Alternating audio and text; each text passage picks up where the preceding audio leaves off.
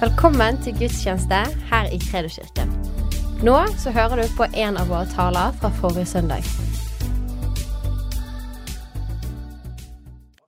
Islam i sin, i sin utøvelse er virkelig en tøff slavedriver for menneskets sjel. Det kan jeg si. Eh, og Derfor så, så er det så mange indre prosesser som pågår.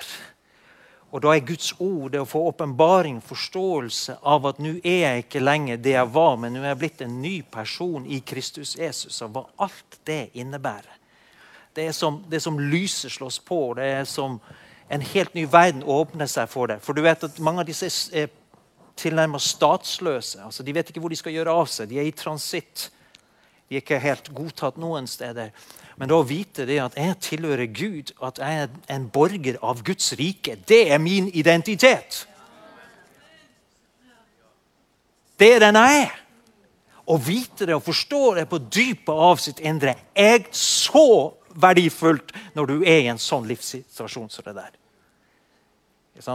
Og det er sannheten om meg. da. Vår første identitet er at vi er borgere av Guds rike.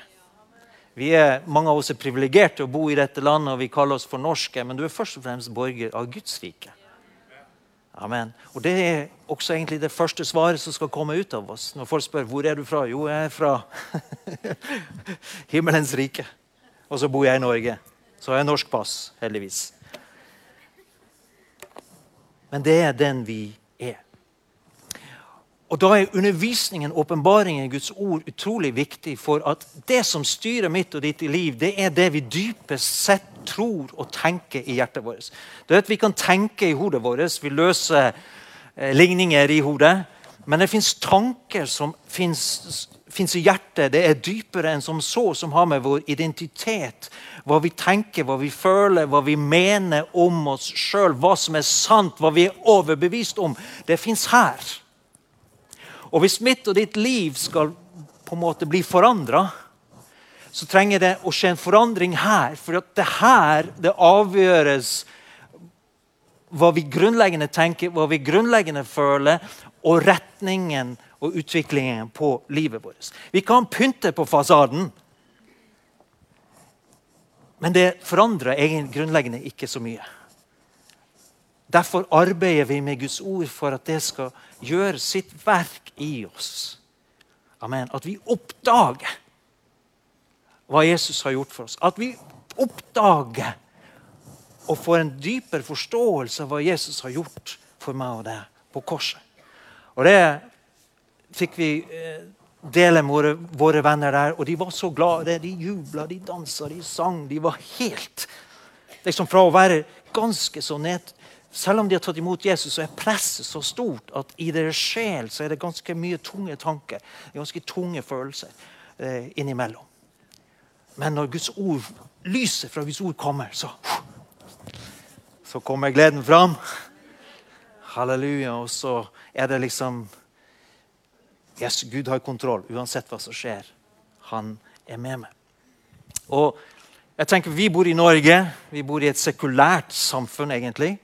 Og det kan være en veldig tøff slavedriver, det også. Vi tenker på religion som en hard slavedriver, men jeg skal si det, denne verden ånd er like virksom i vårt samfunn som det er i de samfunnene som er styrt av religiøs tankegang. Det er bare en annen ideologi, det var en annen syn på mennesket, men den er beinhard. Og en slavedriver. Også den. Derfor søker vi inn i Skriftene, inn i Guds ord, for å hente sannheten. For det er den sannheten Jesus sa det i Johannes 8, det er den sannheten som vi forstår, eller som vi tar imot, det er den som setter oss fri. Bibelen er full av sannheter, men hvis vi ikke tar imot det, eller ikke ser det, eller ikke forstår det, så forblir det en sannhet, men det setter ikke meg fri. Det er tilgjengelig, men før det er åpenbart, før det er tatt imot, så vil det eh, ikke ha den samme effekten. Og så La også merke til, og det merker du spesielt med disse kjære menneskene, at de er så prega av denne her skam og æreskulturen fremdeles.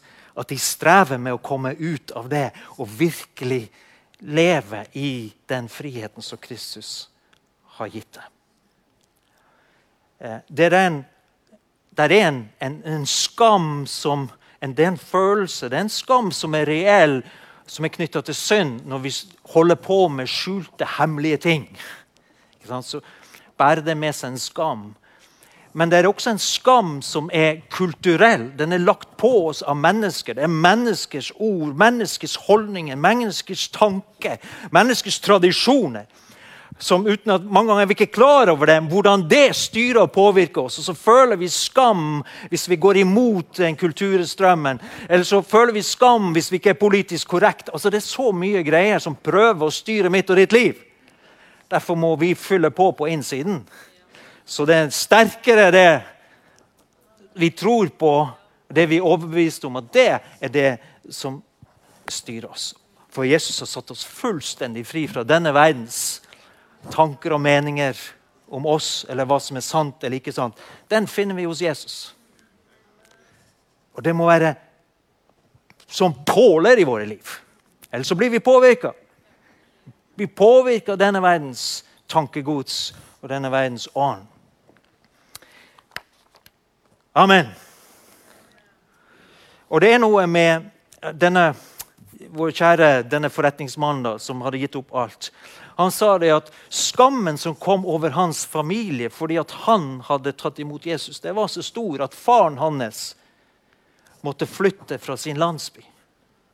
For samfunnet rundt han fordømte han fordi at han hadde en sønn som hadde begynt å tro på Jesus.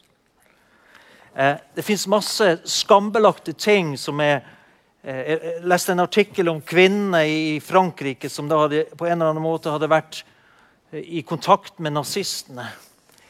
Og så ble, når, de, når krigens gang snudde, da, så tok jo da samfunnet hevn. og så par, og så hadde de parade i gatene i Paris hvor de snauklipte disse damene. Og så lot de dem gå barfot for å føre For å gjøre skam, altså føre skam på dem. Gjøre dem til spott og spe i all offentlighet. Dette var også en straffemetode. Det finnes i mange kulturer. hvor fant det også i Frankrike på, for noen århundrer siden. Men det, var, det å bli offentlig gjort til spott og spe var så nedverdigende og så belastende for et person.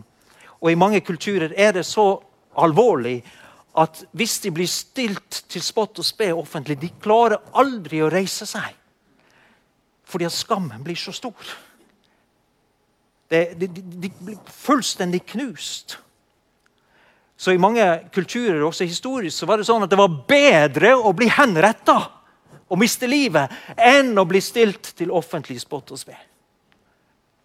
For det ødela et menneske. Og Det var faktisk sånn det var du som nevnte, det var faktisk sånn at de myndighetene etter hvert så at det her ødelegger samfunnet vårt. Hvordan vi behandler folk, selv om de, måtte, om de hadde gjort noe galt. Så de slutta med å ta denne offentlige eh, og skamlegge dem. Folk spytta på dem, folk håna dem, og det gikk knuste mennesker. Det egentlig hadde en sånn negativ effekt i samfunnet, så de bestemte de må slutte på det. Vi må være barmhjertige med folk.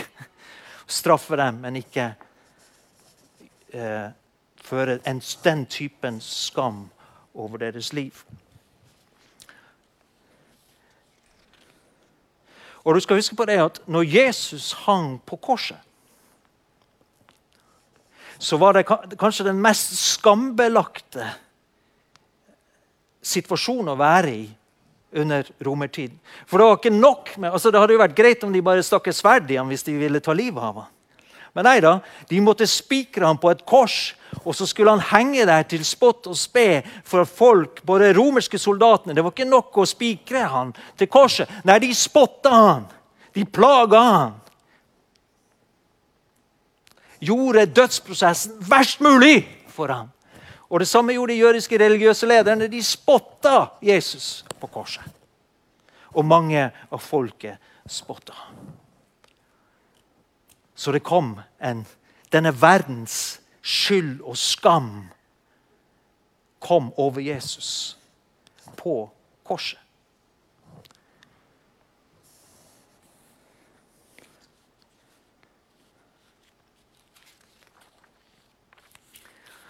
Men jeg har lyst til å vise deg og meg hva Jesus har gjort for oss. For Jesus gikk frivillig inn i dette her. Og prøve å ta oss steg for steg igjennom. Hvis vi først får opp eh, Kolossebrevet 2, vers 12 og 13 Kan jeg få frem disse stolene, eh, Lars? For i dåpen ble dere begravet med ham. Og i den ble dere også reist opp med ham ved troen på Guds kraft. Han som reiste Kristus opp fra de døde. Dere var døde pga. misgjerningene og deres uomskårne kjøtt og blod. Men han gjorde dere levende sammen med Kristus da han tilga oss alle våre misgjerninger. Jeg har lagt merke til det at vi alle sammen i mer eller mindre grad kjemper med tanken på er jeg virkelig tilgitt. Eller er jeg delvis tilgitt? Men her sier Bibelen det at når Jesus hang på korset, så tilga han oss hvor mange synder? Alle. Store, små, de som blir synlige, de som er usynlige, de som er på en måte sett som galt i denne verden, men også det som er skjult. Alt tok Jesus på seg når han hang på korset. Det som er interessant når vi da går videre, så ser vi i vers 14 og 15 så står det at gjeldsbrevet mot oss slettet han, det som var skrevet med lovbud. I Bibelen Guds ord så står det som sto imot oss med bud. Han tok det bort fra oss da han naglet det til korset. Han kledde maktene og åndskreftene nakne og stilte dem fram til spott og spe da han viste seg som seierherre over dem på korset. Det er interessant når vi studerer dette nærmere. La oss si at Her, her står det, det at Jesus tok synden på seg sjøl. Min og din synd tok Jesus på seg på korset. Men så står det Og hva kommer når, med synden? Da kommer skyld. Et menneske utenfor Kristus Jesus er skyldig. Bærer skyld. Og skylden kommer pga. synden. Ikke sant? Så disse ting bygger på hverandre. Jeg har synda, dermed er jeg skyldig. Og når man er skyldig, så skjer noe annet. Da kommer også det vi kaller for fordømmelsen. I fordømmelsen fins det at du er, du er skyldig, og du vil alltid være skyldig. Dermed er du fordømt. Og i ytterste konsekvens er vi fortapelse. Så vi har da synd, skyld, og så kommer fordømmelsen over et menneske. Hvis vi går til slide 3, skal vi lese den engelske oversettelsen, New International Version, så står det having cancelled the charge of our legal indebtedness which stood against us and condemned us, he has taken it away, nailing it to the cross. På gresk så dette ordet som i norsk oversettelse står 'imot', eh, hypenantion, det betyr også at den var, lovens bud var fiendtlig mot oss, eller den fordømte oss. Amplified så står det Having cancelled out the certificate of debt consisting of legal demands against us, which were hostile to us. Altså et menneske uten Jesus. Synd, skyld, fordømmelse.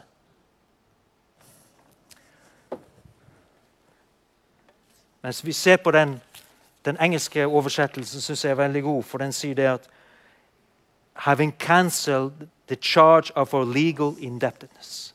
Vet du at Når Jesus hang på korset, når han tok bort mine og dine synder, når han tilga oss alt det vonde, synlige og usynlige, skjulte og åpenbarte, så gjorde han samtidig noe annet.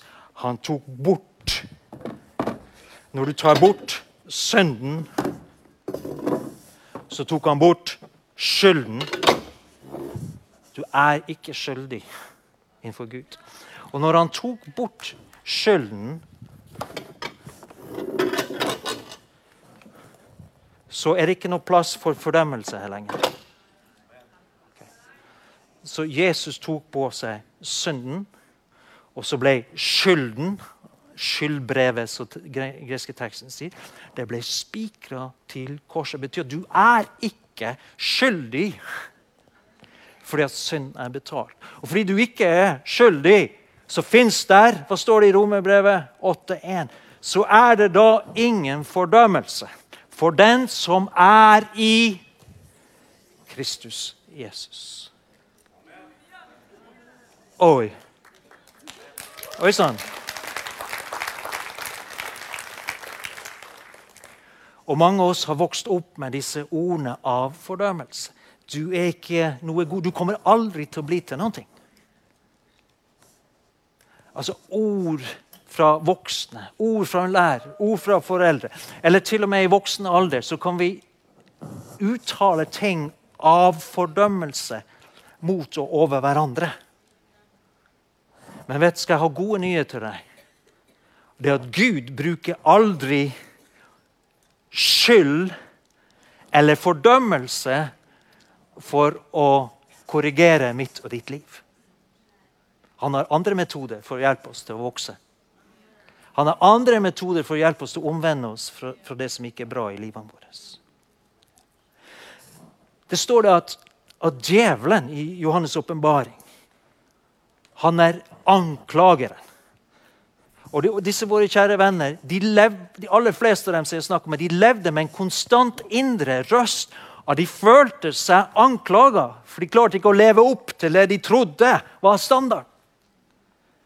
De, de hadde nedslått sjølbilde, nedslått forståelse. De trakka på seg sjøl på innsiden. Og kanskje noen av oss har det sånn òg. Hvis du er helt ærlig, så er du veldig negativ til deg sjøl. Altså Den røsten på innsiden som sier at du er ikke god nok, du er ikke bra nok, du er en elendig synder. Du er skyldig, du er fordømt. Den kan være veldig sterk på innsiden. Mens Bibelen sier det at hvis du er i Kristus Jesus, så har han tatt hånd om synden. Han har tatt hånd om skylden, som var reell. Den er helt reell. Og han har tatt bort fordømmelsen. Der er ingen endelig fordømmelse for den som er i Kristus. Og vet du, også den følelsen av skam fordi at ikke føler ikke strekker til, han ikke er god nok, også den følelsen har Jesus tatt bort. Aha, hvis Jesus ikke bruker den typen mekanismer eller ord for å påvirke livene våre, hvor kommer da dette greiene fra? Som er, mange opplever som en kvern som går om, om, om, om, om, om igjen på innsiden. Hvor kommer det fra? Johannes' åpenbaring sier at Satan er vår anklager innenfor Guds var vår anklager innenfor Guds trone. Han, Anklagen i seg sjøl kommer dypest sett fra han. Men så, så, kommer det her vers 15. Kan vi bare få det opp igjen? Og det, Jeg husker lenger, det, liksom, Jeg skjønte ikke Hvordan eh, Hvordan har det seg at at Jesus avvæpner fienden på korset. Det ser ut som et megatap. Og jeg, jeg, fikk liksom ikke inn i skallen eller inn i hjertet hva, hva betyr dette. Jeg skjønner ikke. For du henger jo på et kors. Du, det ser ut som du taper. Og hvordan er det du vinner over fienden der? Ja, jeg kan forstå det med oppstandelsen. Seier over døden. Men i all verden, hvordan vinner du på korset, Jesus? Men så akkurat som, igjen, det er akkurat som Den hellige ånd bringer lys inn i livene våre fra tid til annen. Og så bare detter polletten ned. Og så skjønte jeg det. Aha! I og med at han tok synd, greit. Han tok skylden, kjempebra. Han tok fordømmelsen på seg. Han tok det bort. Han fjerna det. Og hvis dette er fjerna Lars, kan du hjelpe meg? Nå får du bære, være Jesus og bære det. Så betyr det at min og din sjelsfiende har ingen våpen å bruke imot oss. For Jesus har tatt bort Det var sånn Jesus vant seieren. skjønner. Han tok bort anklagen, som var reell. Den var Han tok bort skylden, som var reell. Han tok bort synden, som var reell. Han tok bort fordømmelsen. Dermed så er djevelen tannløs. Den eneste måten han kan påvirke oss på, det er hvis han klarer å få oss til å tro løgn. Eller ikke leve ut ifra den sannhet og den åpenbaring som Skriften gir oss. Halleluja! Wow! Dette begynner jo å bli ganske bra.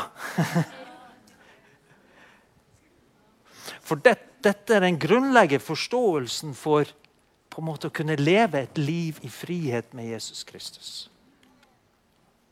Eller så lever vi det kristne livet fremdeles litt bundet, litt skyldbelagt og litt, føler oss litt fordømt, for vi vet meget godt at vi strekker ikke til i alle sammenhenger. ikke sant? Og så, Fordi at vi ikke strekker til, føler at vi strekker til, og vi strekker ikke alltid til, så har den kristne religionen gjort det sånn at det er nesten åndelig. Jo verre du er, jo mer åndelig er du. Oi, oi, oi. Det er nesten konkurranse i å være dårligst. Men jeg tror ikke det er sånn Gud ønsker at vi skal tenke om Jeg tror han vil at vi skal verdsette, faktisk verdsette og forstå hva han har gjort for oss.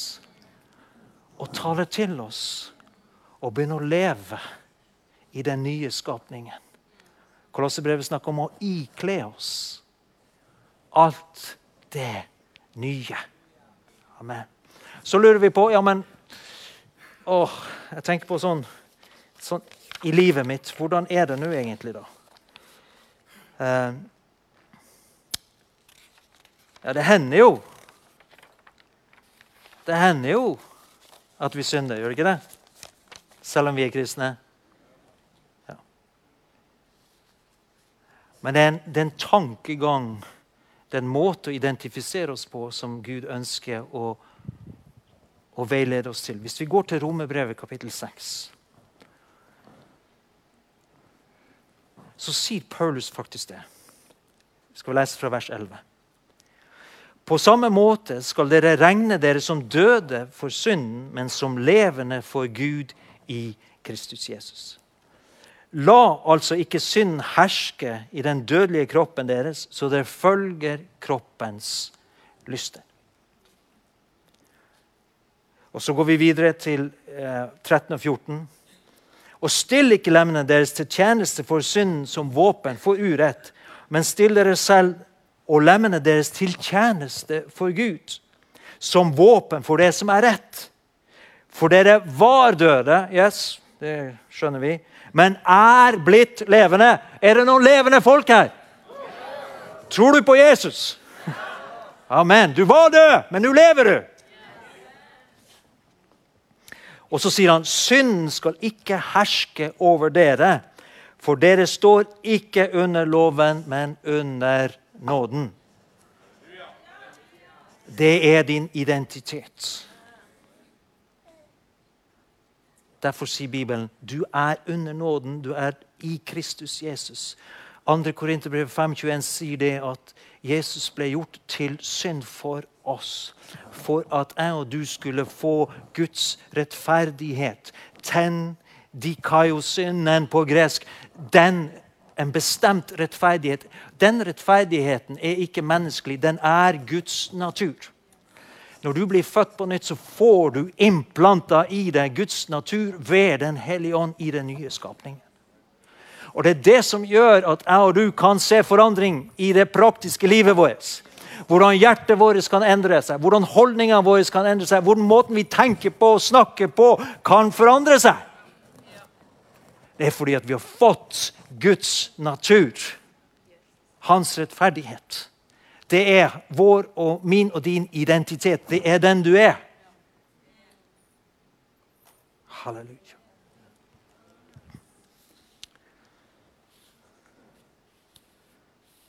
Så Derfor sier Bibelen still ikke lenger nå kroppen til tjeneste for det onde.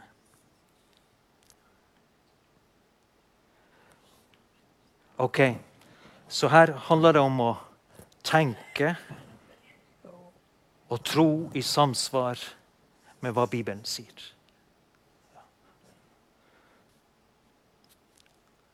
Hvordan, la, la, oss ta en sving innom der. Hvordan da er det at Gud jobber med livene våre og korrigerer oss når vi trenger det? Det, det er mange måter Gud gjør det på.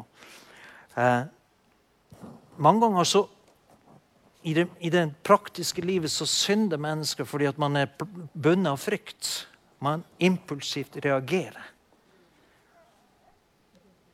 Og da er det ofte sånn at når Gud skal få liksom den livsmønsteret som fører oss inn i gale ting, ut av oss, så overøser han oss med sin kjærlighet.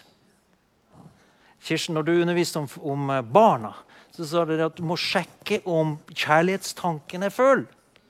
Hvis de gjør opprør og er vanskelige, sjekk om de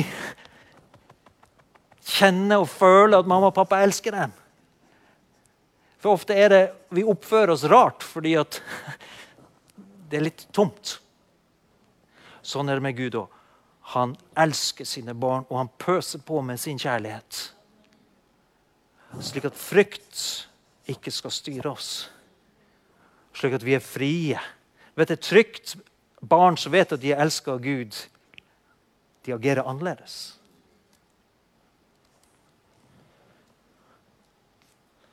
En annen ting som er at du skal oppøve oss i, trene oss i og si ja til, det er gudsfrykt.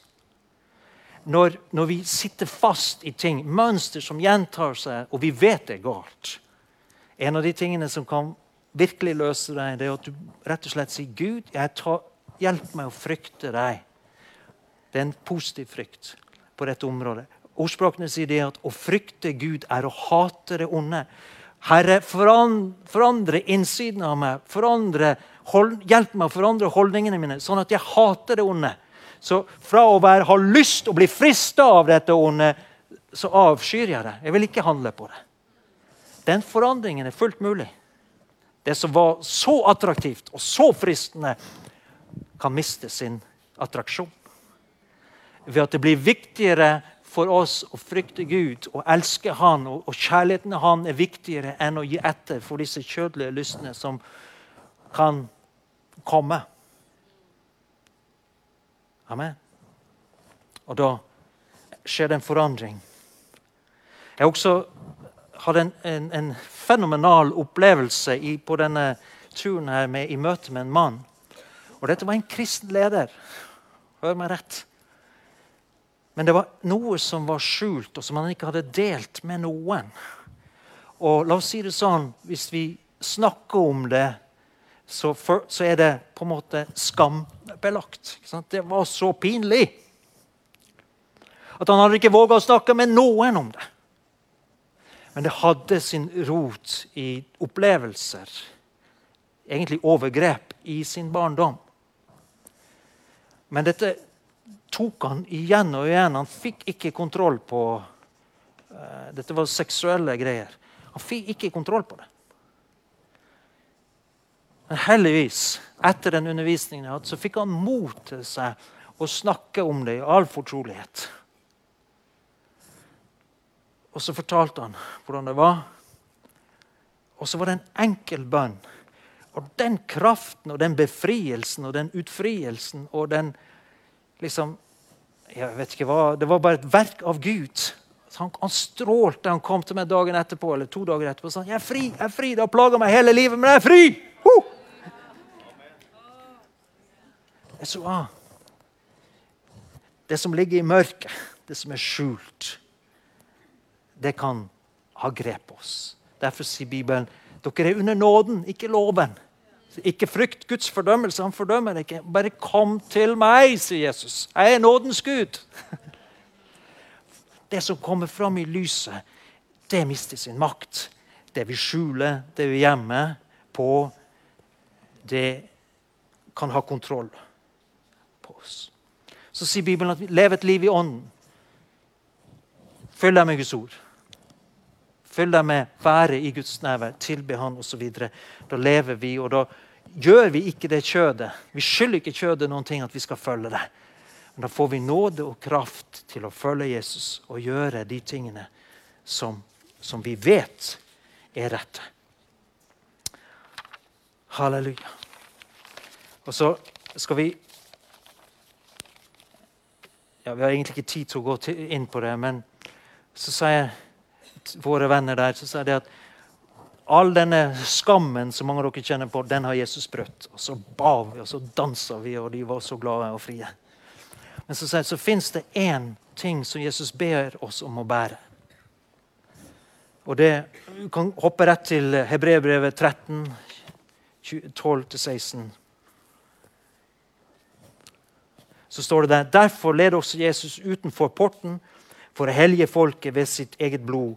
Så la oss gå ut til ham utenfor leiren og bære hans vanære. For her på jorden har vi ingen by som består. Vi lengter etter den som skal komme. La oss da ved ham stadig bære framfor Gud vår lovprisning som offer. Dvs. Si frukten av lepper som bekjenner hans navn. Men glem ikke å gjøre godt og dele med andre, for slike offer er til glede for Gud. Så det er én type spott eller Det er det at hvis mennesker håner oss eller lyger på oss eller forfølger oss pga. Jesus Kristus. Så sier forfatteren i brevet la oss gå ut for, utenfor muren og tåle den. La oss lide det sammen med Jesus. For Jesus sa det at om noen lyger på dere, om noen snakker ille om dere, så gled dere Juble, står det. For det er det samme gjorde de med profetene. Men dere tilhører himmelen. Himmelens rike. Så jeg og du trenger å bli litt tøffere i nepen. Og ikke være så redd for hva folk tenker og mener og syns. Hvis det kommer spott imot oss pga. Jesus Kristus, så la oss tåle det. Jesus ba om oss om å tåle det. Men den falske skammen den skal du kaste av deg. For den har Jesus tatt på seg. Han har fjerna det. Så ikke tillat det i livet ditt. Halleluja. Kan vi be sammen? Ricardo. Og så lar vi Guds ord gjøre jobben i oss. Det, det er Den hellige ånd som åpenbarer disse tingene for oss. Sånn at det blir til indre overbevisning. At jeg og du kan leve livet frie. Dersom vi synder, så vil du merke det ved at det stikker deg i hjertet. Den hellige ånd vil si dette er galt, dette er rett. Og så omvender vi oss. Men han, han vil ikke komme med skyld. Du er skyldig, din elendige synder. Og du er så elendig at uh, det her går helt åt skogen.